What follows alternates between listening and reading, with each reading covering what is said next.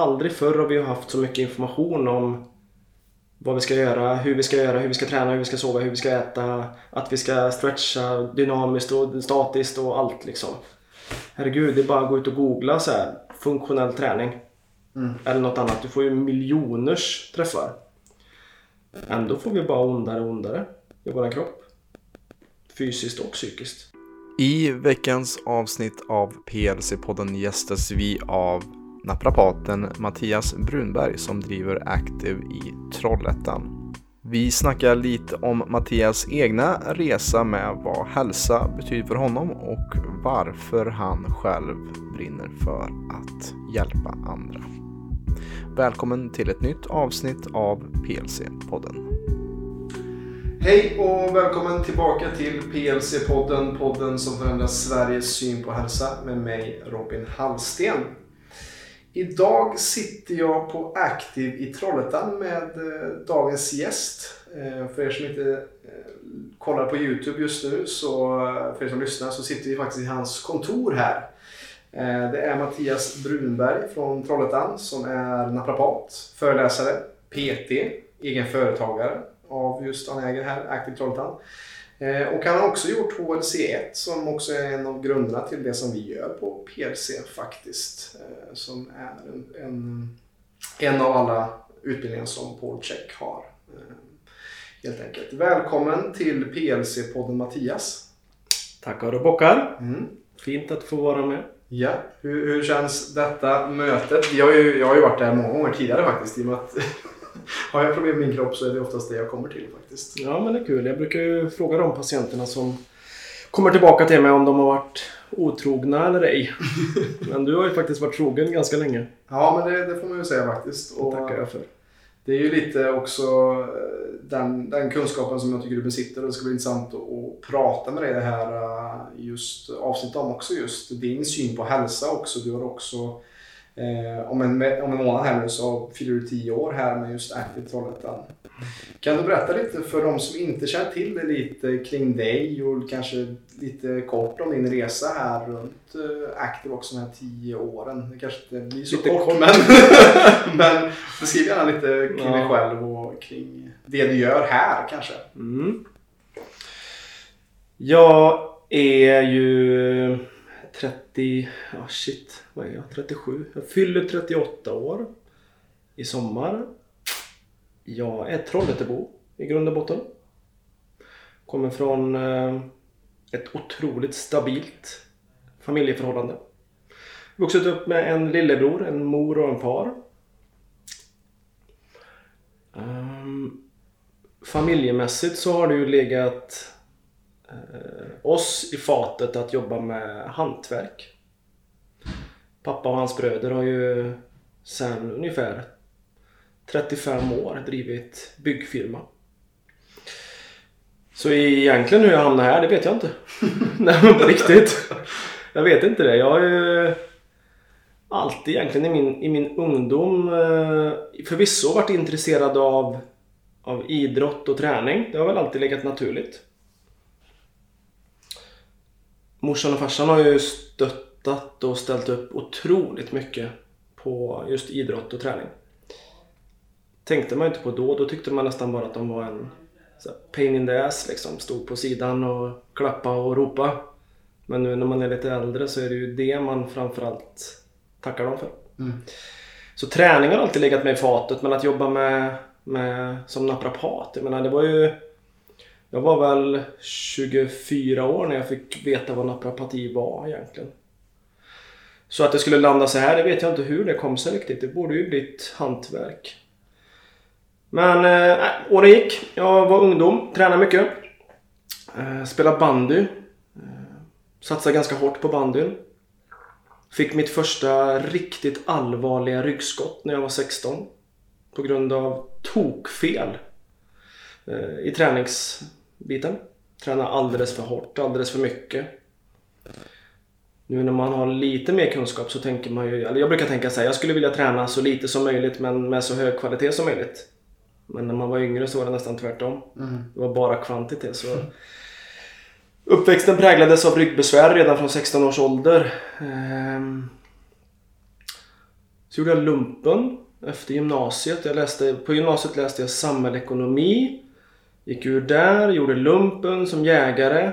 Eh, ville väl pröva min fysik på något vis. Det var något sånt som gjorde att jag ville bli jägare. Gjorde den tjänsten där i ungefär ett år. Och sen så började jag jobba på ICA Maxi på Överby här i Trollhättan. Butiksarbete i tre år samtidigt som jag jobbade som lite träningsrådgivare på Älvbyxborg i Trollhättan. På den tiden. Sen så träffade jag på en workshop inom eh, träning. Jag hade en workshop på Alviksborg på den tiden. Inom träning. En, då träffade jag en naprapat som hette Mikael Nordström från Stockholm. Och han eh, tog fram en av oss i den här gruppen som var med på workshopen och gjorde massa tester i form av styrka, rörlighet. Undersökte lite koter i nacken, kollade lite styrka i armar och ben. Gjorde lite justeringar, sånt som vi jobbar med. Det som folk brukar känna igen som knak egentligen. Lite sånt på en av oss och jag tyckte det såg så jäkla coolt ut. Att med händerna kunna hjälpa en annan människa att förbättra rörlighet. Att minska smärta. Förbättra funktion i kroppen. Det var coolt. Så då frågade jag Mikael Nordström om jag fick komma upp till Stockholm. Gå med han en dag och kika hur han jobbar. Och det fick jag gärna. Och när jag gjorde det i Stockholm så blev jag helt såld. Mm. Så på den vägen sökte jag in till Naprapathögskolan. Och kom efter många om men in. Så tog mitt pick och pack, flyttade till Stockholm. När jag var 23-24 någonstans där jag. Bodde där i fyra år, flyttade hem, saknade Trollhättan. Och jobbade som anställd naprapat ett år i stan. Mm. Och sen så ung, fortfarande relativt ung, lite naiv, rätt modig. Så bestämde jag och eh, två till oss för att starta ett bolag. Så då hittade vi efter lite turer den här lokalen som vi sitter i nu på Tingvallavägen. Nej, Tingvallavägen. På Grafit. Grafitvägen. Mm. Tingvallavägen jobbade jag på som anställd naprapat. Grafitvägen 15 i Trollhättan hittade vi den här lokalen. Och så. Mm. Det är en hyreslokal så vi hyrde det här. Och gjorde lite investeringar i lokalen trots att det var en hyreslokal. Investerade rätt mycket pengar, trodde på våran idé och byggde upp den här verksamheten. Och nu efter tio år så är vi tre naprapater anställda. En massör, en personlig tränare, eh, två sjuksköterskor. Och så har vi två läkare som konsulter och en psykolog som konsult. Mm. Så jag skulle vilja säga att vi, vi bedriver ju egentligen tre ben. Företagshälsa, behandling och träning. Ja. Så jag skulle väl vilja kalla oss för någon form av lite multicenter. Mm. Egentligen så. Försöka ha allt under ett och samma tak. Men det har varit en tuff resa. Det förstår jag. Det förstår jag verkligen. Alltså det är som att möta på många olika utmaningar. Och Jag tycker det är också intressant hur, eh, hur din familj använder händer till att bygga hus och du lite hjälper med dina händer andras kroppar. För Snickra rygg. Ja, precis. Ja, Snickra det är rygg. Det är jätteintressant och, och lite som vad, vad vår vision är med PLC är också just att försöka ha allt under samma tak också. Fast vi kör ju allting online då, men när det kommer till vår portal och sånt som vi har till exempel. Så det låter ju också väldigt åt det mer holistiska hållet här. Att, Mm. att du har försökt brygga också ett sätt att, att naprapati, massör, eh, sjukvård, gym. eh, Att du har läkare här också på plats. Mm. Um, Hur, hur ser du själv på, på den, eh, den helheten? Mm. Den frågan får man ganska ofta och då försöker vi tänka som så att i och med att vi har företagshälsa, behandling med naprapater och massörer Mm. och träning. Om våra gruppträningsinstruktörer eller personliga tränare träffar på en skada eller en smärta under ett pass eller någon form av träningsverksamhet så vill vi ju att den kunden ska kunna slussas in till oss på behandlingssidan. Mm. Våra patienter som vi har på behandlingssidan, när de är färdiga, kanske har, färdig blir man aldrig, men när de har mindre smärta och är funktionsdugliga så får ju, då ligger det i våran uppgift som terapeuter att slussa in dem i träning. Eh, När företagshälsan har kanske 10 anställda på ett företag som har högt blodtryck eller ont i ryggen eller Ja, inte vet jag. Det kan ju vara vad som helst. Men då är det företagshälsans uppgift att slussa in dem antingen på behandling eller träning. Så de här sakerna går lite i som ett, ett kretslopp under samma tak skulle jag säga. Mm. För med hälsa blir man ju aldrig klar. Herregud, det är ju liksom... Ja, det är ett stort projekt. Ett livslångt Ja, lärande. Det, det är ju en ständig, eh, ett uppehållsarbete. Så Verkligen. Måste, det är inte så att man, oj nu är jag klar med min, min hälsoresa här. Utan Nej. det är ju någonting som ständigt måste byggas vidare på. Helt Så enkelt. Och för, för dig då som, som nästan halkar in i naprapatin och har ägnat nu ditt större delen av ditt vuxna liv som, men just när det kommer till hälsa. Mm. Vad, vad betyder hälsa för dig Mattias? Mm. Ehm, helt annorlunda idag än vad det gjorde för 15 år sedan. Jag hade så här, så här ganska, tycker jag, bra liksom vändning på vad hälsa är. Och med vändning så ska jag ta er tillbaka till året 2000... Eh, Ja, det var mitt första år i Stockholm när jag pluggade till naprapat. Vad kan det vara nu då? 2007, 2008 blir det. 2008 blir det. Herregud vad man får tänka när man så här. Du sitter och tittar på mig och väntar på ett svar liksom. 2008 säger vi att det var. Jag tror det var januari eller februari. Mm. Eh, Då bodde jag i Nacka, Ektorp centrum heter det. Eh, Och då var jag i mitt absolut livsform. Och med livsform på den tiden så sa jag Jag sprang milen på en 38-39 minuter. Rätt fort. För mig i alla fall. Eh, jag var rätt stark. Jag tror jag kunde lyfta så här, knäböj 140-150 kilo. För mig jättestarkt. Jag åt bra, jag sov bra. Jag eh, har bakåt i tiden aldrig haft någon som helst allvarlig sjukdom som jag har varit liksom starkt medicinerad för.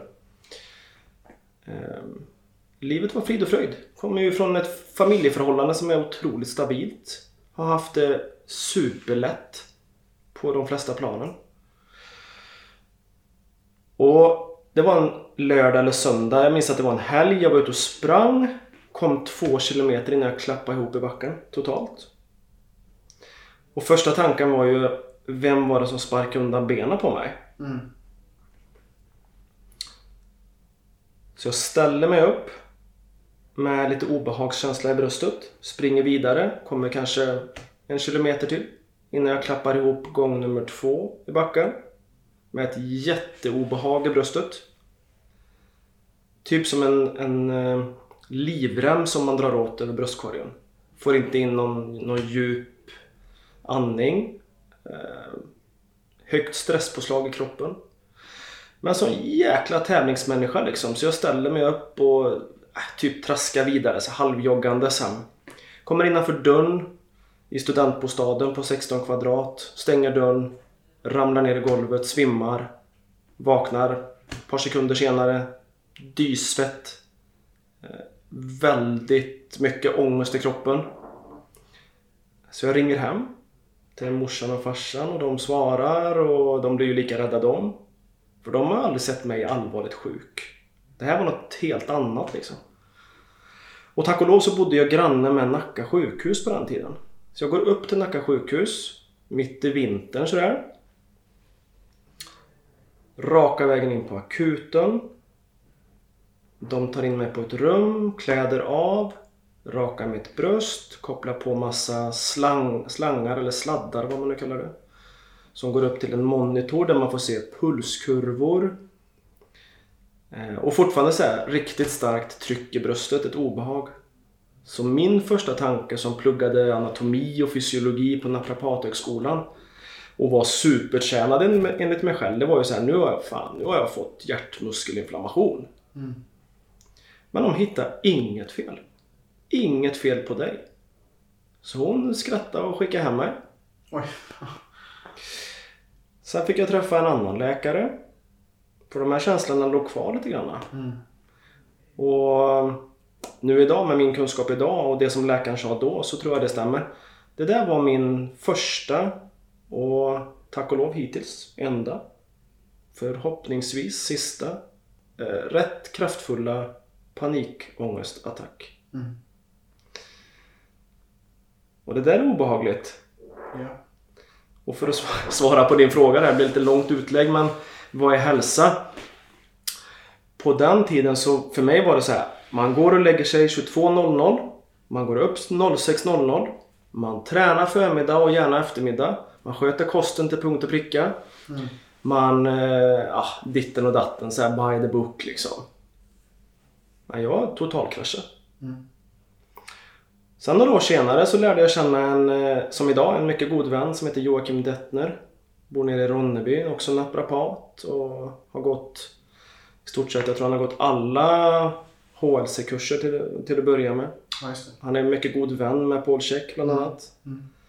Han sa en bra grej till mig en gång så här. Fan. 80-20. ja. Ja men det är faktiskt, det ligger något i det så här. Sköt dig 80% och så slarva 20. Mm. Det är väl helt fine liksom. Mm. Så idag när det gäller hälsa så är jag nöjd om jag här, får hyfsat bra sömn så är jag nöjd. Jag försöker sköta den men jag tillåter mig själv att slarva lite grann. Kosten, försöker sköta med 80%, slarva kanske 20%. Men slarva med lite klass. Träning, ja jag tränar men jag tränar inte för att prestera. Jag tränar för att hålla hjärnkontoret i trim. Mm. Det är egentligen bara därför jag tränar idag. Ja. Och då snackar vi löpning och lite styrka. Trä- Träna för att må bra. Och någonstans så tycker jag så här, målet ska ju vara så här, vad handlar det om liksom? För mig handlar det om att när jag är 65, 70, 75 då vill jag kunna komma ner och knyta mina barnbarnsskor. Mm. Så det är för mig idag hälsa. Ja. Före 2008 då var det prestation. Prestation. Varje träningspass skulle vara ett tävlingspass. Ja. Lyft tyngre, spring fortare, ät mer bättre. Mm. Så det är svårt det här. Det är en balans. Det är verkligen balans och det är lite som, de, för de som lyssnar på oss, eh, klienter och folk som har följt PC-podden så är 80-20 något som vi snackar om och också det som många tror att kanske vi som hittar på work-in, det är också taget från just HLC och Polcheck. Alltså att, att också inte bara workout som du gjorde och Mm. just prestanda och lite för att också eh, tillbakablick på ett, eh, min, vår första gäst på PLC-podden var faktiskt Rune Larsson som säger att spring så långsamt och så kort som du kan idag, det. så att du kan göra samma sak imorgon. Ja. Och där har vi en snubbe som sprungit ungefär 25 000 mil i Ja. sitt liv. Eh, I stort sett skadefri, tror jag. Eh, någon liten skada har han haft tror jag. Men Och han provar väl att springa intervall en gång i livet. ja, Jag tror jag har sagt det. Så jag provade intervallträning en gång och då skadade jag mig. ja. Han är en stor förebild. ja. Fantastisk människa. Ja. ja, han är ju intressant. Det finns mycket unikum här från Trollhättan. Mm, verkligen. som ni lyssnare. Och, och det är väl det som jag tycker också är så viktigt att eh, i den eran som är inne i nu, jag ser också det med de klienterna som jag jobbar med, den största delen av varför folk har problem är på grund av stress. Mm, Och det är som när jag hör din, om jag ska göra en anamnes på din mm, panikångestattack här så var det ju för att din kropp var otroligt stressad. Ja. Och sett under så mycket press och prestation. mm, Och det är det som kan vara så intressant också för kanske till exempel folk nu post-covid också Mm. är ju ganska vanligt nu också i Mm. coronatider där folk kanske, ja men jag var helt frisk men mm. Hur är då dina stressnivåer, hur har de varit? För det tänker jag mycket på i den, i den aspekten att det kanske är det som påverkar också Mm. hur mycket stressnivåer och just att många presterar högt men hur mycket tar man hand om sin avslappning och sin återhämtning så att kroppen verkligen kan återhämta sig till fullo. Mm. Vad tänker du när jag säger det? Eh, Håller med. Mm. Totally. Absolut. Tre, fyra dagar i veckan numera så går jag och lägger mig runt åtta tiden Mm. På kvällen. Ja. Måste det för att orka. Mm. För jag jobbar tokhårt och tok mycket. Mm. Så sömnen, alltså så här, ja jag vet inte. Förr i tiden så, så tänkte man ju mer så här. Man måste träna hårdare för att bli eller må bättre. Mm. Nu tänker jag mer så här. Är det någonting jag behöver liksom jobba med så är det sömn, eh, dryck, Mm. kost, så här, solljus, andning. Hade jag, hade jag fått det till mig för 15 år sedan så hade jag tyckt att det lät flummigt. Ja. Idag så tycker jag nog det är viktigare än träning. Mm. Ja, det, det intressanta är att, att just eh, vakna upp till de olika formerna av vad faktiskt hälsa är. Mm. Du som jobbar med hälsa så länge och med dig själv så länge så är det ju tydligt att se vad som funkar och inte funkar. Mm. Eh, att se, att hitta mer det här mellan, mellan ja, men inte, inte för mycket och inte för lite utan just lagom för vad som är hållbart för dig också. Just i längden. Att kunna hålla som säger till du är 75 och då kanske inte passar sig att springa intervallpass varje dag. Nej, det gör nog inte det. Och jag menar, det här är, det här är ju svåra grejer. Jag menar, varför hade jag så mycket krav och press på att jag skulle prestera i träning och tävling? Mm. Det här är ju någonting som man har fått med sig på något vis. Kanske lite genetiskt, kanske lite miljömässigt, men det är ju någonting man har byggt upp från barn, barndom liksom. Ja. Så jag känner ju fortfarande så här dagligen liksom att man, man faller lätt in i den här prestationsfällan. Mm. Och, och så har jag nog varit hela livet. Men idag har jag en helt annan inblick och insyn i det. Jag kan liksom... Jag kan eh, hantera mig själv på ett bättre vis tror jag. Mm. Men jag faller ofta tillbaka. På sådär. Nu, är, nu är jag prestations-Mattias igen. Mm. Då får man lyssna på frugan som är bättre på att ta ner den på jorden. Ja, men lite sådär. Väldigt lätt för att fastna i att jag jobbar alldeles för hårt och för mycket. Mm. För att jag älskar det. Det är det roligaste jag vet. Mm. Det finns inget roligare för mig. Nej. Jobba. Klart, barnen och familjen, men det är en helt annan sak. Men Mm. jobba är det roligaste jag vet och där kan det lätt bli för mycket. Mm. Så där måste man... Det är bra att frugan är med ibland. Ja, och kunna veta vart den gränsen går och som Mm. också har en liten broms kanske livet också kan, som kan ha en liten reality check på vart man är någonstans helt enkelt. Verkligen. Jätte, jätteviktigt ju, för det är ju balansen som är... Den balansen är ju otroligt viktig och så fort man börjar eh, lite gå över gränsen där så märker man ju, och det märker vi de vi jobbar med, att det är många som har varit på den här linjen för länge och fallit över och får eh, ödesdigra konsekvenser i form av långa utmattningar, eller Mm. deprimeringar eller, eller sånt. Då. Verkligen. Eh, Så det tycker jag är jätteintressant när du berättar om detta och du föreläser ju också. Mm. Ehm, hållbar medarbetare Mm. heter den om inte jag missminner mig. En utav dem. En utav dem ja. Hållbar medarbetare. Ja, precis. Kan du berätta lite om ditt jobb där också när det kommer till föreläsningsbiten och, och vad det är du vill nå ut med, med det helt enkelt. Mm. Hållbar medarbetare är en föreläsning som jag har kört i kanske 6-7 år nu. 80% av mina åhörare där är njursjukvården och VG-region.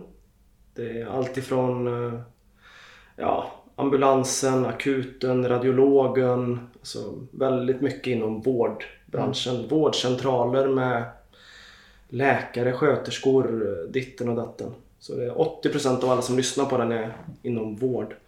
Och de senaste 4-5 åren har jag nog kört den för 10 000 ungefär, har jag räknat ut. 10 000 personer, så det har blivit mycket. Och den har egentligen två delar. Den är på 90 minuter. Delat på två. Så 45 minuter är del 1 och 45 minuter är del 2. 45 minuter del 1 handlar om rygg och nackbesvär. Det handlar om varför får vi rygg och nackbesvär? Vad är det som gör ont? Och vad kan vi göra för att råda bot på det? Rygg och nackbesvär idag är ju det som kostar samhället näst mest pengar i sjukfrånvaro. Mm. Det är väldigt svårt att räkna på sådana här siffror men jag tror det ligger någonstans mellan 50 och 60 miljarder i sjukfrånvarokostnad per år. Det en rejäl summa. Ja, det är en... det är en rejäl summa som du säger. Eh, och, och det är så här, märkligt på ett sätt för aldrig förr har vi haft så mycket information om vad vi ska göra, hur vi ska göra, hur vi ska träna, hur vi ska sova, hur vi ska äta, att vi ska stretcha dynamiskt och statiskt och allt liksom. Herregud, det är bara att gå ut och googla så här, funktionell träning. Mm. Eller något annat. Du får ju miljoners träffar. Ändå får vi bara ondare och ondare i vår kropp. Fysiskt och psykiskt. Men nu snackar vi rygg och nacke. Så de första 45 minuterna pratar jag om vad rygg och nackbesvär är, varför vi får det och vad vi kan göra åt det. Sen tar vi en paus och sen nästa 45 minuter handlar om effekter av motion på psykisk ohälsa. Och då pratar jag både ur rekommendationer från WHO det är att vi kanske ska försöka komma upp i viss pulsnivå mellan 150 och 300 minuter i veckan och lägga till lite styrketräning på det ett par gånger i veckan. Och de rekommendationerna och jag pratar också ur egen erfarenhet till exempel projekt som jag jobbat med tillsammans med BUP, gjort en del jobb med barn och ungdomspsykiatrin. Mm. Och vilka resultat vi har fått på det och sådär. Så vi, vi pratar om rygg och nackbesvär och effekter av motion på psykisk ohälsa. Och det tror jag, det har ju fått ett, ett större intresse för det här med motion och effekt på psykisk ohälsa efter det som hände med i Stockholm. Mm. Det tror jag. Just det. Så så ser den ut. Ja, och det är ju lite som eh, Anders Hansen också snackar om i, sin, i Skärmhjärnan och även i eh, Hjärnstark. Just vikten av motion också, hur mycket det kan bli bättre. För att vi ser också som du säger, vi har aldrig haft så mycket teknologisk framfart och grunker som mäter och hej och hå. Men Nej. samtidigt så mår vi bara sämre och sämre. Mm. Det är en intressant paradox där. Vi tror att vi är liksom mycket framkant när kanske om vi går tillbaka till generationer så har vi mindre övervikt Mm. och, och mindre eh, sjukskrivningar för psykisk ohälsa, den biten. Det är ju Mm. en intressant paradox det här med eh, den materialistiska framgången som vi har skördat i, i Sverige och västvärlden i stort. Men vi ser också andra saker växa fram i takt med det också. Ja. Vilket är jätteintressant. Just, eh, jag tror psykisk ohälsa det fanns nog inte på samma sätt förr. Nej, då hette det väl att man var trött. Ja. Nej men det, är så, det här är så stort liksom. Det är så otroligt stort. Jag, vet, Mm. jag pratade med en, en kompis Johanna som är dietist. Jobbar med, med mat egentligen då. Mm. Eh, och hon berättade någonting som jag inte visste och det var så här superspännande för mig att höra. Mm. 2015, det här är alltså sju år sedan. Mm. 2015 var första gången i världshistorien som det dog fler människor av övervikt än av svält. Okej. Mm. Och om man sätter sig in i den tanken Mm. att vi ska behöva dö av övervikt. Mm. Det är helt sjukt. Mm. Okej om man dör av svält, det kan man någonstans förstå med tanke på hur världen ser ut. Men att dö av övervikt kopplat till liksom överkonsumtion av mat och dryck. Finns lite att göra. Det finns det verkligen. Och, ja, det är ju intressant det, just kring att övervikten har skördat så mycket liv nu. Att, att just det är den stora folkhälsoproblemet idag. Mm. Och, och jag är lite intresserad när jag kollar på din anläggning här att, att det är ju någonting som inte kanske är så vanligt egentligen. Att man har, eh, som du säger här, naprapati, du har gym, massör, sjuksköterskor och läkare under samma tak. Vad, vad tror du är, hade varit nyckeln för att just bota den rådande epidemi kan man nästan säga när det kommer till just den ohälsan som vi, Mm. som vi möter i Sverige och i hela världen egentligen. Mm. Vad, vad, vad tror du skulle kunna vara ett, ett sätt att, att förebygga och eh, hur, hur tror du vi skulle kunna se annorlunda på det här i Sverige i, Mm. inom vården? Mm. Nej, det är en hyfsat bred fråga. Mm. Hyfsat svår fråga att besvara. Mm. Hade jag haft svaret där så hade jag fått Nobelpris. Mm. Men jag tror ju stenhårt på att man måste jobba mer i skolan. Mm. Först och främst. Kanske till och med innan skolan. Alltså på föräldranivå. Mm. När du har fått, när du har fått barn så ska så här, nästan obligatoriskt att du ska ingå i någon form av livsstilsprogram. Mm. För att veta hur du... För idag kan vem som helst skaffa barn. Mm. Och alla barn får inte samma förutsättningar. På, no, på många plan. Så man måste ju börja någonstans med, med barnen och föräldrarna. Den tror jag är superviktig. Få in livsstil, livsstilskunskap eller vad man vill kalla det i skolan. Prata om eh, allt, det gör man säkert idag men man skulle kunna göra det på ett bättre sätt tror jag. Prata mer om stress, hållning, skador, ryggbesvär, psykisk ohälsa, motionens effekt på psykisk ohälsa. Visst man har gymnastik och biologi och det här men jag tror man skulle kunna göra ett helt liksom, större ämne kring det här Mm. på ett bra vis. Eh, Man skulle absolut kunna få in mer fysisk aktivitet i skolan. Det finns ju ett projekt i Bunkeflo nere i Skåne. Man gjorde på barn under grundskolan. Man applicerade träning, 60 minuter, träning, motion 60 minuter per dag Mm. under hela grundskolan. Och de som ingick i det här projektet såg man en tydlig linjär koppling till ökade betyg i, tror det var matte, svenska och, och engelska. Engelska kanske det inte var. Kanske man inte har i grundskolan. Jo, det har man väl i grundskolan. Ja, Har man. ja. Det var ett tag sedan. Mm. I de basämnena i alla fall. Mm. Så dels mer utbildning inom skolan. Eh, mer aktivitet inom skolan. Jag tycker det ska vigas mer pengar åt föreningslivet. Alla familjer och, och barn och sådär har inte idag möjlighet att vara med i föreningslivet. Eh, Alla har inte råd till det. Så jag tror någonstans där man ska börja. För jag menar idag, kollar vi på, på Sverige idag så har på ett ungefär så här 50% av alla svenskar klassade som feta. 50% av alla svenskar har hälsofarligt dålig kondition. Och det likställer man med att vara rökare. Det behöver inte gå så långt. Nej. Sen år 2000, det är liksom 22 år nu. Mm. Så har andelen människor som söker hjälp för sömnbesvär ökat med ungefär 1000%. Mm. Det är läskiga siffror. Ja, det är... Och jag ser också som jag ser också i mitt egna liv. Just hur mycket skärmarna som, vi, som mobilerna är. Att hur mycket det slukar tid Ja. och gör, gör oss mer stillasittande. Och också att vi tar med oss dem när vi går och lägger oss Mm. och kanske inte stänger av dem på natten. Att där har vi en av de stora bovarna skulle jag se till den folkhälsan som vi upplever det också. Mm. Och det, det är ju en, ja, hissliga siffror egentligen som Mm. säger det här, att 50% är överviktiga. Eh, och sen så har vi också, jag tror enligt Anders Hansens eh, forskning som han har i den boken, ungefär 10-15% går på någon sorts psykofarmaka eller sömntabletter eller den biten. Eh, så att det lämnar ju också en, en ganska stor del av befolkningen som inte är eh, 100% hälsosamma och som du säger är just det preventativa medlet är nog det viktigaste man kan göra för att det är ju lite det som jag vill och vi på PLC också, att det här preventativa, att, att vi vill kunna vara en aveny in, Mm. innan folk ska gå till vården. Att, att man skulle haft en hälsocoach, någonting som kan kolla på hur sover du, hur andas du, hur dricker du Mm. och, och varför har vi inte lärt oss de här sakerna tidigare? Det finns också ett jättebra citat där. eh, One ounce of prevention is worth a pound of cure. Alltså att en liten, liten, liten bit. Alltså vi brukar också snacka om det med PLC. När folk kommer in i vårt system eller när de är klienter hos oss och medlemmar hos oss så gör de allting på en samma gång. Mm. Och det kan man räkna ut med arslet att det kommer inte liksom inte. det kommer inte funka. Det kanske räcker i två, tre dagar. Sen så kommer det vara för mycket information att ta in. Att det är de här små stegen. Eh, och jag brukar också ha en liknelse för klienter som just går igenom det också. Att, att tänka att om man skulle ha två skepp på, på samma breddgrad och så har de samma kompassriktning. Om ett skepp bara vrider sin kompass en eller två grader åt ena hållet så kommer de, de kommer se varandra samma dag. Men vart de är om ett år, det är på helt olika, Ja. alltså det är mil ifrån varandra.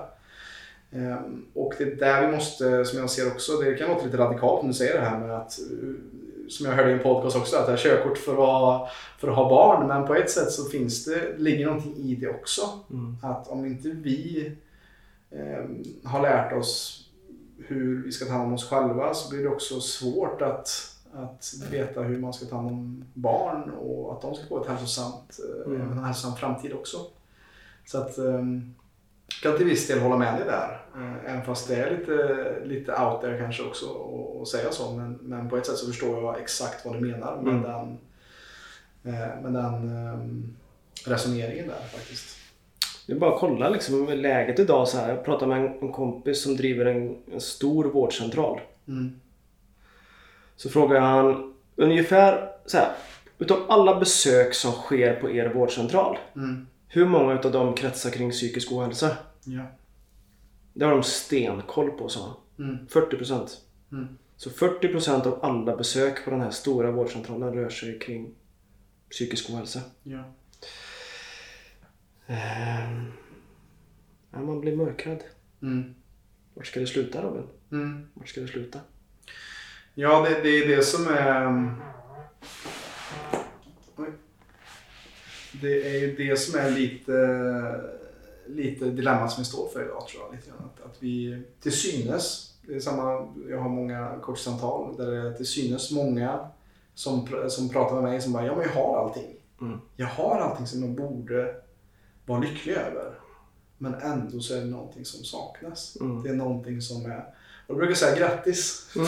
Då har du verkligen insett att de sakerna i det externa som du har letat efter, att kanske gå ner i vikt eller att jag ska ha barn, jag ska ha den finaste villan och, och eh, huset, eller ja, den, biten.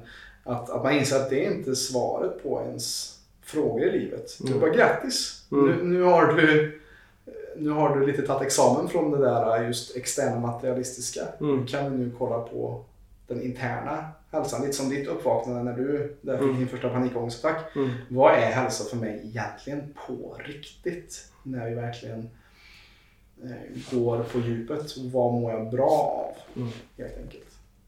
Så att, eh, och det är en djupare, mer filosofisk fråga kanske just som inte räcker, alltså som det finns inget copy-paste svar där man kan ta från andra. Men vad jag ser som saknas mycket och vad jag märker också, jag gick från till exempel att bo ihop i ett kollektiv med många andra människor och kunna äta ihop med människor och, och samtala till att senaste året har jag bott ganska mer isolerat faktiskt och jobbat mer online. Och jag märker hur mycket det påverkar min egna Mm. mentala och psykiska hälsa. Eh, och att jag tror att det är också en del av att vi har allting men vi har också tagit bort kontakten till varandra. Jag, jag kommer ihåg min farfar, han berättade när första TVn kom på bygden så var det så att då var det ju en liten revolution och att, att den person som hade den första TVn på, på landet det var kalas och sådana varje lördag för då var hela bygden där och kollade på TV. Men vad händer idag när alla har varsin TV, till och med tre skärmar var eller vad det nu kan vara. Att man, man är kopplad till människor men på ett artificiellt sätt. Man har glömt bort liksom just den här vanliga, mänskliga och som du är ju uppväxt också mycket i föreningslivet. Så Mm. mycket, hur viktigt det var kanske för förr i tiden och hur vi har tappat bort det där för att vi har allting i våra skärmar men, men som jag ser det kan det också vara som jag har tänkt mycket att, att det är kontakt men det är lite som skräpmat fast i det sociala. Att, Absolut. att man, man har eh, kontakter och vänner i det men det här fysiska, att ta någon i hand eller en kram eller att se någon i ögonen som vi gör här och nu. Det är någonting som blivit mer och mer unikt. Mm. Och eh, att folk är mer och mer ensamma. Och hur mycket påverkar det egentligen vår hälsa idag? Vad, vad tror du om det, liksom just den här mentala och psykiska ohälsan och den biten?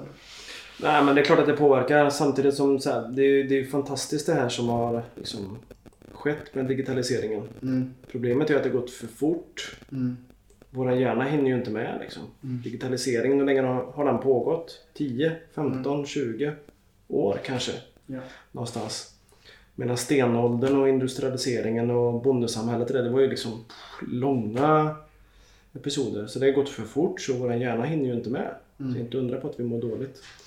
Idag får jag frågor ofta från företag. Så här, kan inte du komma ut och... Du har någon sån här föreläsning som heter Hållbar medarbetare har vi hört. Kan inte du komma ut och köra den då? Och så frågar jag ofta, "Ja, vad är syftet med att ni vill an, anlita mig för den? Mm. Ja men det är att vi, vi har liksom personal som, som, inte, som upplever att de inte mår bra och känner stress och lite sådär. Och, rätt många företag säger att stressen de känner kommer av digitaliseringen. Okej. Att gå från penna och papper till Mm. som telefon, iPad, dator, TV. Mm. Så det är klart att det finns, eh, det finns ju både positiva och negativa saker. Jag tror bara s- som Jocke Dettner eller Paul Check sa, 80-20. Mm. Det gäller att hitta balans i det. Ja. Jag tror inte det är farligt att kolla på telefonen efter klockan åtta på kvällen. Liksom. Det är ju det är ju jag med. Såklart Mm. ligger och surfar på kvällen i sängen. Man, man, då måste man kanske skapa marginaler i min egen kropp för att tåla det här med. Ja. Så är det ju med allt. Jag kan ju bara ta en löpare som exempel. Kommer in och har ont i en hälsena. Ja, antingen är det bara att du har sprungit för mycket. För mycket löpning. Eller så är det för dåliga skor. Mm. Eller så har du bara inte byggt upp styrkan nog för att tåla löpning. Jag kanske kan stressa jättemycket på jobbet. Det kanske inte är farligt för mig. Om jag har marginaler för det. Mm. Mitt liv som företagare är mycket stress. Jag jobbar med 60 patienter i veckan på bänken som naprapat. Och det är mer än en normal fulltid för en naprapat. Mm. Sen har jag anställda och marknadsföring och ekonomi som ska hinnas med. Det är ju tokstress jämt. Mm. Jag måste träna. Mm. Och varför då? Nej, som jag sa förut, inte för att bli stark. Jag bryr mig inte ett skvatt längre om jag är stark eller ser snygg ut i kroppen. Det gör väl alla till viss del, men träning för mig handlar om att, att skapa en ventil för hjärnan. Mm. Träna för att klara stress, att skapa motståndskraft. Hitta balans i det. Och då är det mer träning som inte är högintensiv utan mer underhållsmässig träning antar jag också. Alltså sticka ut en kväll eller en helg, två timmar själv och bara jogga. Mm. Det är grymt. Mm. Ja men på riktigt. Mm. Det, det är för mig det är som balsam för själen för mig. Mm. Det kan jag hålla med om som har också sprungit en del mil i mina... Ja, jo, jag vet att du har gjort det. Men, men det är lite som jag vill komma tillbaka till också där att, att det behöver verkligen vara bu eller bä just med Nej. skärm och teknologi utan det är just vad jag, vad jag hör dig det är just medvetenhet Ja. kring hur vi för oss i vårt liv generellt sett. Ja. Att, att ha rutin på saker eller att, att veta hur mycket är för mycket. Oavsett om det är skärmtid eller löpning eller mat eller vad det nu kan vara. Vad, vad är en hållbar mängd för mig och när blir det för mycket? Och, och, för det har jag förstått också när jag har lite, gjort lite min research på dig att, att just rutiner är också någonting som är viktigt för din hälsa. Att, Mm. att du är my- mycket av en vanlig människa. Kan du berätta lite själv vad, varför rutin är viktigt för dig? För det låter som att du har ändå, alltså att det på något sätt disciplinen skapar lite friheten i ditt liv också. Det där har jag framförallt att tacka min far för. Mm. Ehm, Han var, eller var, han är världsmästare. Han har svart bälte i karate när det gäller att komma i tid. Mm. eh, Att göra det man har sagt att man ska göra. Att hålla sitt ord. Att hålla sina löften. eh, Att avsluta saker som man påbörjar. Han är absolut min största liksom, förebild när det kommer till sånt. Mm. Men det känner jag ju nu när jag är 37-38 år själv att ibland kan det nästan gå till överdrift. Mm. Att om jag liksom applicerar det på mina barn eller hemma i mitt hus. Jag, jag, blir, jag blir som manisk liksom. Mm. Har jag bestämt mig att jag ska, inte vet jag, tapetsera en vägg. Ja men jag kör tills det är klart. Mm. Ska vi bryta för lunch? Nej. ja, men du förstår vad jag menar. Jag kör tills jag är klar. Ja. Så där måste ju jag backa mitt band. Mm. Och där är så här en grej som jag och frugan kan hamna lite konflikt i. Mm. Jag, jag måste bli bättre på det. Mm. All, alldeles för hård när det gäller liksom rutiner för mig själv på det viset. Mm. Kanske också på barnen, men jag är sen brandman, brukar jag kalla mig. På kvällen innan så lägger jag fram kläderna. Mm. Lägger tröjan längst ner, jeansen ovanpå. Sen kommer t-shirt och så kommer kalsonger och strumpor. Mm. För när jag vaknar på morgonen efter så tar jag en dusch, torkar mig och sen det första jag tar på mig är kalsonger och strumpor för de ligger högst upp. Mm. Det är också så här rutin. Mm. Mm. Jag har massor med sånt. Mm. På gott och ont. Mm. Jag pressar, eller jag, det blir nästan som en press för jag vill ha kontroll. Ja. Så jag jobbar ju hela tiden med att, att skapa förberedelse för saker och ting. Mm. Både privat men också i jobbet. Och det är skönt för skallen samtidigt som det påverkar mig Mm. och andra i min närhet. Mm. Ibland kanske negativt. Mm. Men så har jag blivit uppfostrad och det har funkat bra på mig. Mm. Och framförallt så funkar det bra i företaget. Det, det är det samma där, jag kommer tillbaka till medvetenhet. Att, att veta att, att det kan bli för mycket också. Ja. Att, att just, men samtidigt så tror jag att många hade mått bättre av att ha tydliga rutiner. Att man inte vaknar upp och så vet man inte vad ska man på sig eller vad man ska göra för mat eller, eller vad det blir för frukost eller vilken tid det blir man går upp eller vilken tid man går och lägger sig. För att det, oftast är vi också rutinmänniskor. Eller Mm. att vi mår väldigt bra att ha rutiner så att vi slipper lägga hjärnkraft på saker som eh, kan bli mer automatiserade som du säger här. Och någonting som jag tycker också är intressant, eh, en rutin som jag har hört att du har också är just någonting som jag brukar snacka om mycket när det kommer till avslappning, work-in och, och för folk som vi jobbar med som har Eh, lite svårt att få in den här avslappningen. Och så kan de komma in, i, eh, komma in när de jobbar hos oss och att det blir lite för mycket. Och att de tror att de ska göra yoga en timme om dagen den där biten. Ehm, jag brukar ju snacka mycket om mikropauser. Att vi tar 20 000 andetag på en dag, 20-25 000 antag ungefär. Vi kan inte göra alla medvetna på en dag, men ju mer vi kan göra medvetna på en dag, desto bättre kommer du att må så småningom här. Och det hörde jag också så här, mellan varje klient eller, eller patient som du har här på Active så kan du berätta lite din rutin som du har just när det kommer till att möta patienter och hur du lite får in mikropaus själv mellan varje gång. Ja, jag vet inte exakt vad du syftar på men jag brukar, jag brukar säga att jag försöker nollställa mig inför varje patient. Mm. Eh, Och det är jag rätt duktig på faktiskt. Mm. Jag har ju mina 10-15 patienter per dag. Mm. Första besöket, om det är en ny patient, är alltid 45 minuter. Sitter ner och pratar och lyssnar. Tar anamnes som vi kallar det. Ganska gott om tid. Återbesöken ofta 30 minuter. Vart vill jag komma med det här? Vi, vi, vi pratar om Jag nollställa vill sig låta dig och... själv att, att just att det blir som ett, ett, en tabula rasa mellan varje patient. Att du har tid emellan. Mm. Att det inte är med stress som du jobbar med inom en dag. Nej. För att det hade ju aldrig hållit. Nej, det är det inte. Ja, men jag kommer ju alltid i tid till patienten. Mm. jag vet inte, det är väl samma sak där egentligen. Jag avslutar alltid i tid för att ha en två, tre minuter själv inför nästa patient. Mm. Eh, Lustigt att du säger det. Jag har nog inte tänkt på varför jag gör det. Men Mm. det är nog bara sån jag är byggd. Mm. Sen så försöker jag ofta mitt på dagen få till träning. Mm. Ett träningspass kring lunch. Eh, Och när man får till det så är det grymt. Det är en ventil. Man rensar allting som har hänt på förmiddagen så man är fri och fräsch inför eftermiddagen. Eh, Så nej, men för att svara på frågan. Jag vet inte hur jag ska svara egentligen men jag är noga samma där, komma i tid och avsluta i tid för att få luckor. Mm. Och det där, alltså det där det är ju bara jag själv som styr det. Ja. Det går liksom inte att skylla på någon annan att det blir stressigt. Nej. Det ligger ju bara på mig. Ja. Ja. Men det är väl det som jag påpekar just de här två, tre minuterna mellan.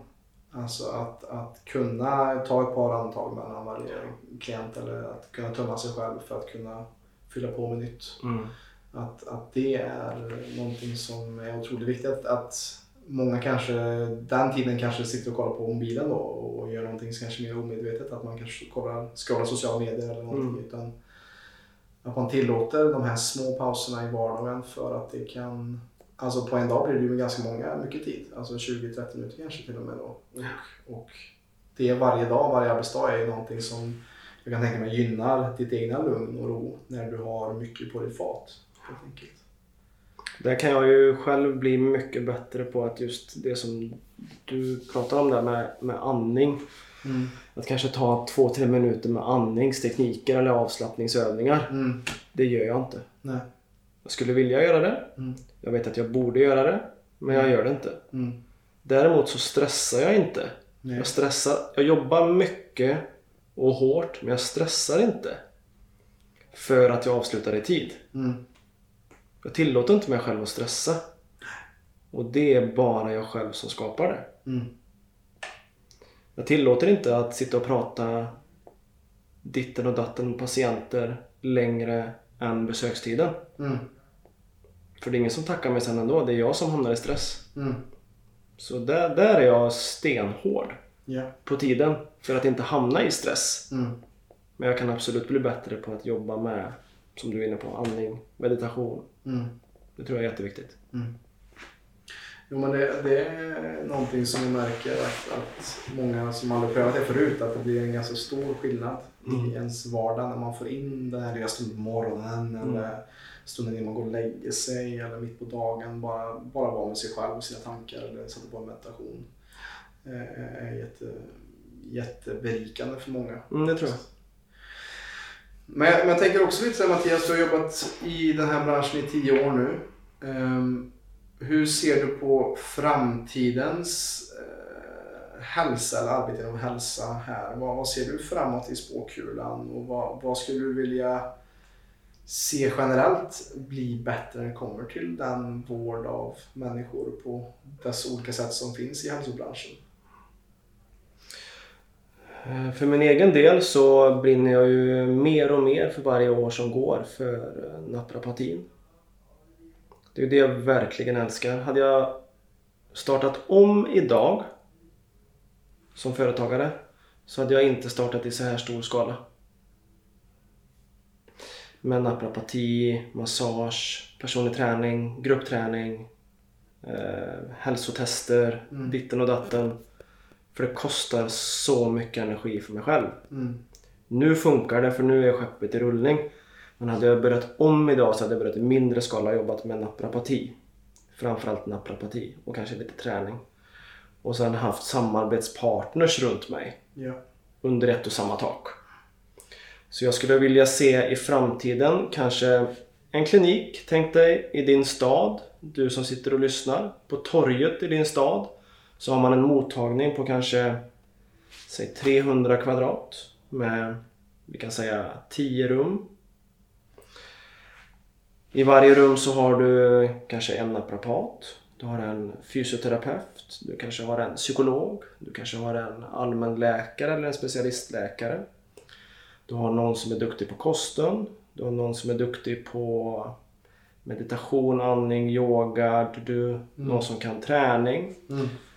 Eh, och så kanske två till, jag vet inte sådär men. Mm. Någon form av liksom multikompetens under ett och samma tak som samverkar. Ja. Och att vi hjälper varandra där. Jag upplever många gånger att man är lite rädd att släppa ifrån sig sin patient eller klient eller kund eller vad man nu har.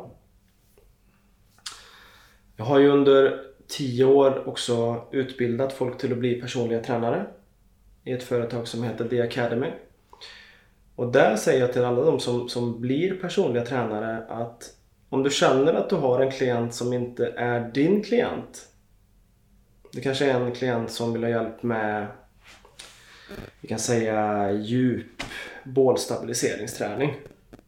Men det är inte riktigt ditt bord. Mm. Men du vet att Pelle, han kan det där.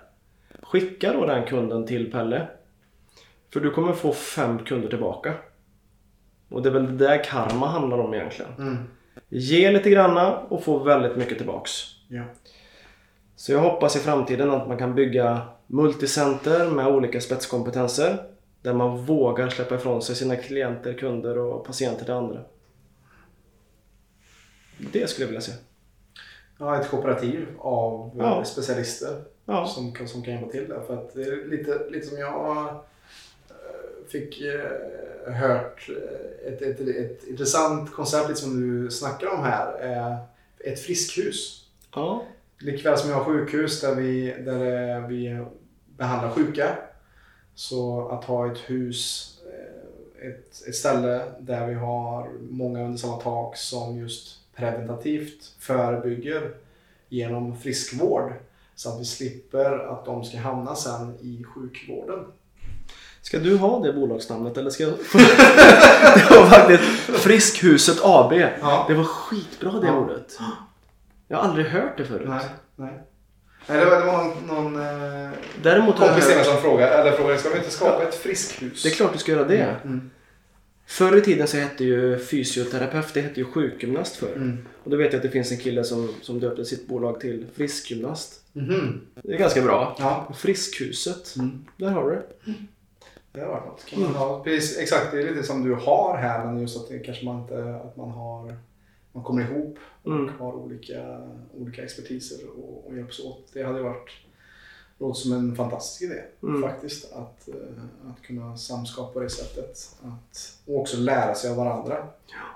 För att det är ju som, som vi stöter också på, precis som när du hade din panikångestattack, att där kanske du hade behövt någon som sa liksom, att du kanske ska ta lite lugnare och fokusera Mm. på meditation eller inte ha så höga krav. Eh, och, och Många säger också när de kommer till oss att de har gjort tester men inget visar att det är något fel på dem Mm. egentligen. Men när vi ser en 6-7 sidig analys på okej, här har vi lite att jobba på faktiskt. Att vi behöver eh, ja, men en bredare sätt att se på hälsan Mm. och att också lyssna. Jag tror att lyssna på människor är också jätteviktigt och som jag ser en av de viktigaste sakerna som coach är att ibland får folk bara bli lyssnade på. Ibland kan man ha samtal där man inte löser något problem utan man, man, man, man bara lyssnar. Man finns där. För att, att lyssna, att ge ett öra idag, det är också ganska eh, unikt ibland. Att det är många som vill prata men ingen som vill lyssna. Nej, och det, jag menar, bara titta på hur jag och du ser ut.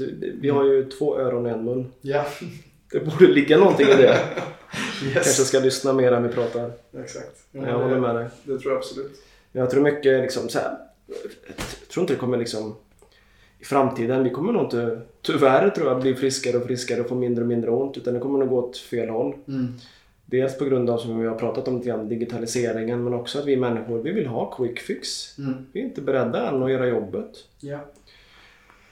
brukar gå till mig själv som exempel där så här. När jag går till tandläkaren så frågar hon ju varje gång hur går det med tandtråden liksom. Mm. Så bara, ja, då får man skämmas igen liksom. Mm. Jag slarvar ju med den. Mm. Varför gör jag det? Varför slarvar jag med tandtråd? Mm. Det tar två minuter. Jag kan inte... Ja, jag har inte haft tid säger jag. Och så kommer jag på mig själv bara, "Nej, men jag kan inte skylla på tid. två minuter. Ja. Eh, Så jag klandrar ju inga patienter som inte sköter sina hemläxor för jag är inte bättre själv. Nej. Men däremot om tandläkaren hade sagt så här att om inte du sköter tandtråd nu minst en gång per dag så kommer du, loss, du kommer tappa en tand i månaden Mm. tills alla är ute. Ja. Då skulle jag sköta mig. Mm. Och lite grann är det samma med folk. Så här, vi tar inte tag i det förrän det kommer en riktig tragedi. Ja men jag fick hjärtinfarkt. Mm. Okej, jag slutar supa. Mm. Eller röka. Mm. Eller börja motionera. Men ska det behöva gå så långt att vi råkar ut för en riktig tragedi innan vi tar tag i det? Mm. Men oftast är det så, det är som Polchak också, han säger pain teacher eller smärtläraren. Att, att innan vi tar det här, alltså man är lite bekväm du vet och innan, innan man får den här eh, panikångestattacken eller man får det här hjärtattack eller vad det nu kan vara som, som på något sätt vänder hela livet upp och ner. Det är oftast inte då, förrän då vi tar det här beslutet att nu är det faktiskt dags här. Nu, är, nu har jag fått nog av detta. Och att det krävs eh, ibland en sån en, en smäll på käften eh, för att man ska vakna till liv Mm. helt enkelt. Ehm, och eh, det är väl lite det som vi står inför också så här, kollektivt i, i världen också. Att, att vi måste alla kanske växa upp lite och, och ta eget ansvar och lära oss hur tar vi faktiskt hand om oss själva på ett bättre sätt. Och hur kan vi motstå de här frestelserna som uppstår i, i, i den snabba värld vi lever i med mycket quick fixes. Men vi ser ju också liksom vad, vad är konsekvenserna av att ta quick fixes gång på gång. Och bara en sån sak som att ta rulltrappan istället för att gå i de vanliga trapporna. Eller, alltså, Mm. Hur mycket de här till synes små sakerna kan ta dig väldigt långt bort ifrån ditt mål och tvärtom. Hur mycket de här små vanorna i livet kan ta dig närmare det du drömmer om. Helt Mm. Ja, för idag är det ju fortfarande sådär att om man kollar på utmattning, utbrändhet, vad man nu vill kalla det. Allting som liksom kretsar kring kanske ämnet psykisk ohälsa. De tre vanligaste åtgärderna för det här det är fortfarande liksom samtalsterapi, Mm. medicinering, sjukskrivning. Ja. Och det är inget fel i det.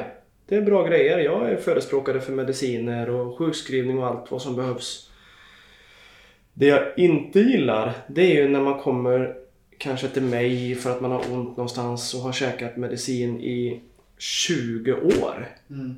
utan att ha gjort någon annan insats. Utan att få höra från den som har gett den medicinen att det finns alternativ. Mm. För det stöter vi på. Då tycker jag det blir väldigt fel. Mm. Men vid en utmattningsdepression eller vad man nu pratar om så kanske det till en början är väldigt, väldigt bra med medicin. Det är min liksom, bestämda tanke. Men i långa loppet så tror jag det finns bättre sätt. Ja, precis. Och det är väl också ehm, upp till också att, att man får höra att det finns alternativ också. Ja. Att det inte bara är det här som är tillgängligt. Jag blir jättepositivt eh, glatt överraskad av eh, en kompis som, eh, som hade lite problem med att sova som faktiskt fick en sömncoach via den vanliga vården här i Sverige. Och då bara oh, wow, Kul att höra. det är ju grymt. Ja, verkligen. Alltså verkligen att, att det finns instanser, det kanske inte finns överallt i Sverige, men det finns på vissa ställen i alla fall. Istället för att man kanske eh, kanske får samtalet istället och ta det här så blir det bättre. Och det kanske blir bättre på ett kortsiktigt plan, men går vi då verkligen till grundorsaken? Det är ju frågan. Ja. Så att det är väl det som är också viktigt, just som du säger här, att har vi verkligen varit på grundorsaken då, om vi har tagit, gått på samma medicin i 20 år och inte verkligen gått till grunden av den här, vart den här smärtan ligger då. Eh, både kolla på mentalt och fysiskt, vad, vad beror detta på helt enkelt. Mm. Mm.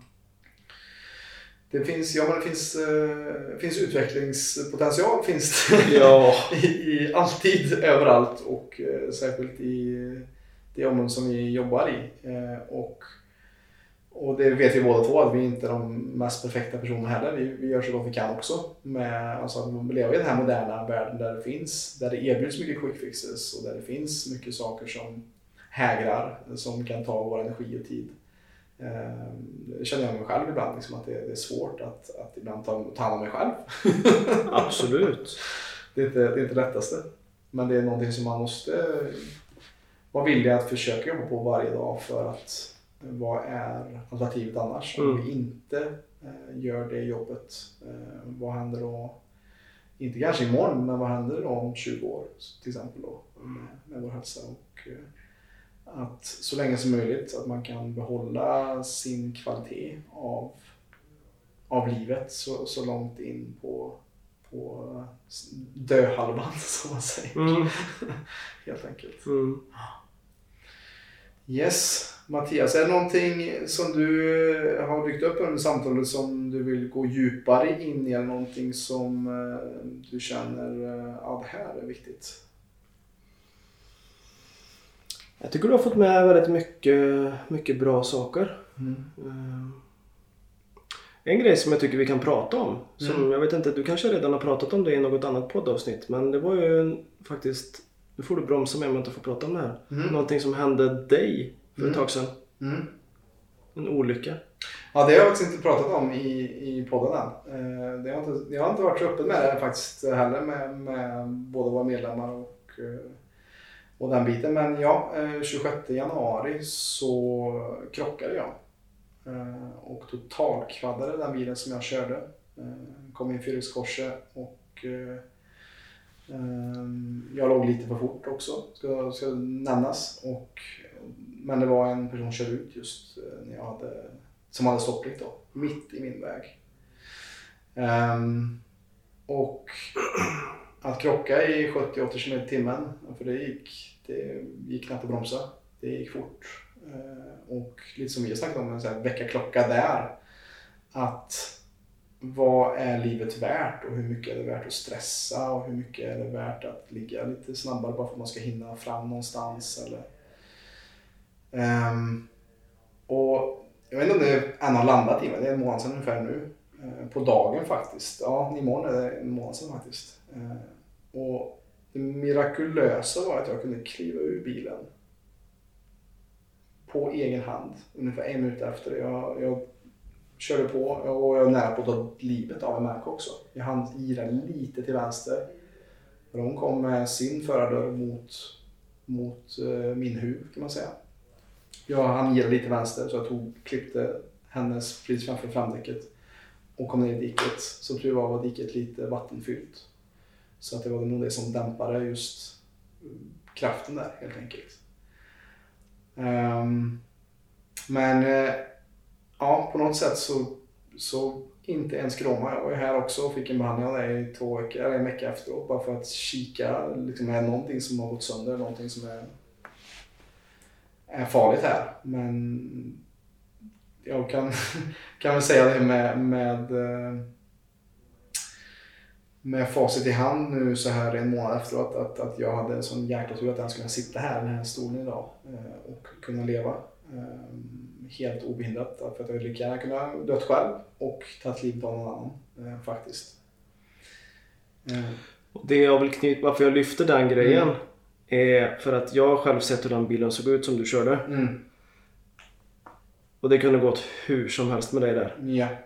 Men du kliver ur den här bilen i ett lugn. Mm, Du träffar den andra personen. mm, Du behåller ditt lugn. mm, Du stannar kvar hos en familj intill den här olycksplatsen. ja. Käkar. Mm, Hänger med dem.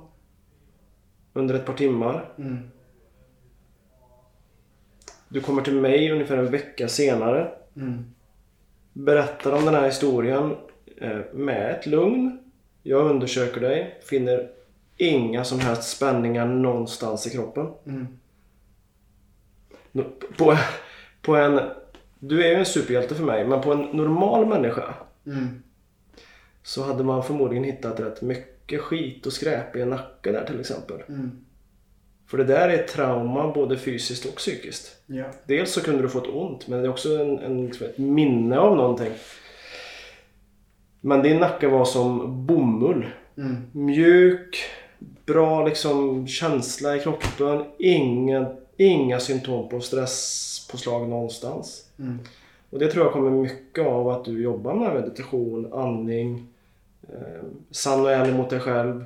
mm. Då är din kropp i kontroll. Så det, du är en stor inspirationskälla. Det var egentligen bara det jag ville lyfta med den olyckan. Mm. Tack för att du säger det. För att det är intressant när du säger med att, att jag inte fick något minne från den skadan för jag har ju fortfarande egna lite så här krämpor som jag har i kroppen. Det har jag fortfarande. Och de, Det hade du innan också. Det hade det hade jag Ja. också. Men, men som du säger, det är ja, en, en stor del. För att jag vet jag krockade också när jag var 18. Då krockade jag också med en buss. Och, och då vet jag att då... Jag var förvånad den här gången för att jag...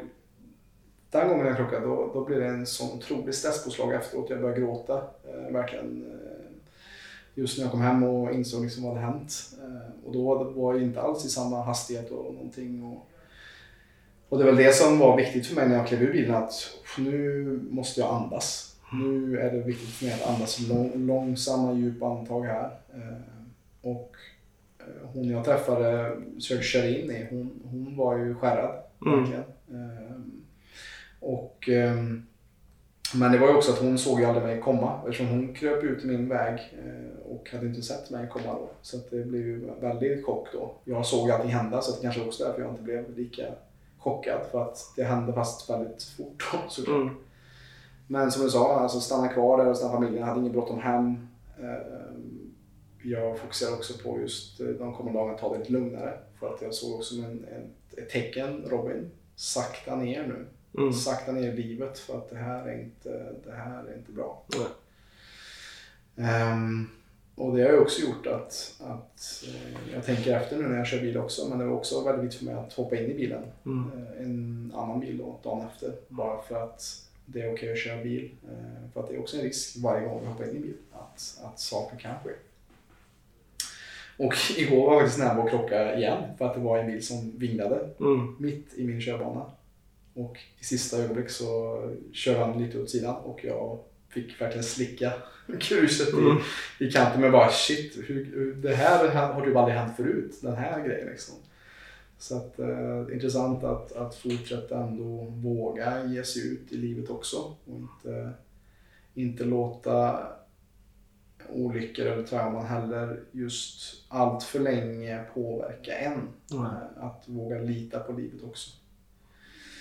Ehm, ja, så att det, det är en väldigt eh, en väckarklocka för mig också kanske. att eh, För mig har det också gjort att jag kanske ska ta, ta lite mer beslut kring mitt liv också. Att våga ta kanske lite mer risker för att jag också varit lite trygg mm. sista tiden och märker att det mår inte heller bra av Helt enkelt att vara för trygg. Så att ehm, det finns mycket man kan skörda från en sån sak och inte bara tänka synd om sig själv att det här hände utan att det kanske var en, en välsignelse på många sätt och vis. Eh, om man väljer att se det så. Och livet är ju mycket hur vi väljer att se saker och ting faktiskt. Ehm, Saker händer, bara Mm. acceptera ja, och gå vidare. precis. Och som du har här bak på, på väggen här, för er som inte ser det, jag vet inte om det syns i, i Ja. Så Expect Miracles står här bak på Ja. Mattias kontor. I behandlingsrummet. I behandlingsrummet ja. Ödmjukt. Ja. Exakt. Man ska tro på det man gör. Det ska man. Det gör jag till 110 procent. Mm. Och intention Mm. och, och just det mentala är också något som är så viktigt och som när jag var yngre hjälpte mig när det kom till just panikångest som jag hade mycket av när jag var yngre. Och det var det mentala som hjälpte mig och det är mycket, lite det som jag har kommit på själv att lite det som jag har tappat med åren, eller det sista, sista året tror jag, att, att lita på livets magi lite grann.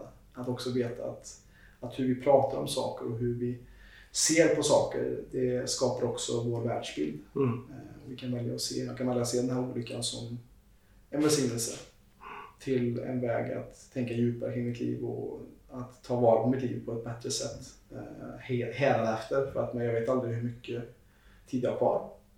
Det kunde sluta den 26 januari. Det kunde du gjort, men gjorde du inte det? Nej. Och här sitter jag och kan berätta den historien eh, helt enkelt. Så att, eh, ja, sådant är livet. Det är häftigt. Yes, det är häftigt, verkligen. Ehm, ja, jag- känner att jag är ganska nöjd med vårt eh, Ja, men jag med. samtal faktiskt. Jag med. Jag, som jag sa innan, jättekul att få vara med. Mm. Eh, Jag har hört en del avsnitt av dig sedan tidigare. Mm. Eh, Ni är duktiga. Jag Mm. tror ni har något på spåret här. Mm. Jag tror framtiden är för era fötter i PLC. Det hoppas vi också och hoppas att fler och fler vaknar upp till just högre medvetenhet kring sin egen hälsa och hur mycket man- faktiskt kan styra sin egen hälsa just i det mentala som vi var inne här precis nu sista Så stort tack för, eh, för dina ord kring det. För att jag vet ju också just det jobbet du gör här och, och, och just att jag ser dig lite som en auktoritet när det kommer till hälsa här. Det du gör här på Active i Trollhättan. Tack. Um, och med det sagt Mattias så tänkte jag också så här för de som vill komma i kontakt med dig eller som eh, kanske vill ha en behandling eller komma in till Active i Trollhättan. För, eh, hur får man tag i dig? Eller hur, eh, hur kanske man kan få en föreläsning till sin Ja, arbetsplats? jag är med i sådana här digitala medier. Ja, det är det. Sociala medier och digitala ja, bitar. Mm. Nej, men enklast att gå in på min hemsida. Mm. aktivtrollhattan.se så finns alla mina kontaktuppgifter där. Mm. Jättebra. Har man några frågor, mejla. Jag är ganska snabb på att svara. Grymt. Grymt. Där hittar ni Mattias. Det gör ni. Eh, Och kan varmt rekommendera att ta både behandlingar men också, jag har inte hört föreläsningen men det låter väldigt intressant. Det, det du håller på med och jätteviktigt eh, arbete. Och som vanligt avslutningsvis eh, för er som lyssnar har ni känt att det varit väldigt nyttigt och intressant perspektiv på hälsa. Eh, Så för all del dela med dig av det här avsnittet, den här länken till någon nära eller kär så att vi sakta men säkert kan förändra Sveriges syn på hälsa. Tack för idag Mattias och eh, hoppas Tack du får en trevlig helg. Det är ju fredag. Hoppas du får det gött och eh, får se när vi ses igen. Nu är det hem, ta lite tacos, Ja, ja, ja. kanske ta en öl. Kolla på Talang. Yes. 80-20. 80-20. Tack så hemskt mycket Robin. ja, tack. Återigen tack för att du har lyssnat på detta avsnitt av PLC-podden. Och är du mer intresserad av vad det är vi håller på med när det kommer till holistisk hälsocoaching, hur vi kanske kan hjälpa dig till mer balans i livet. Besök gärna vår hemsida www.plclub.se alltså www.plclub.se för mer information hur vi jobbar och kan hjälpa dig på din hälsoresa. Tack för idag.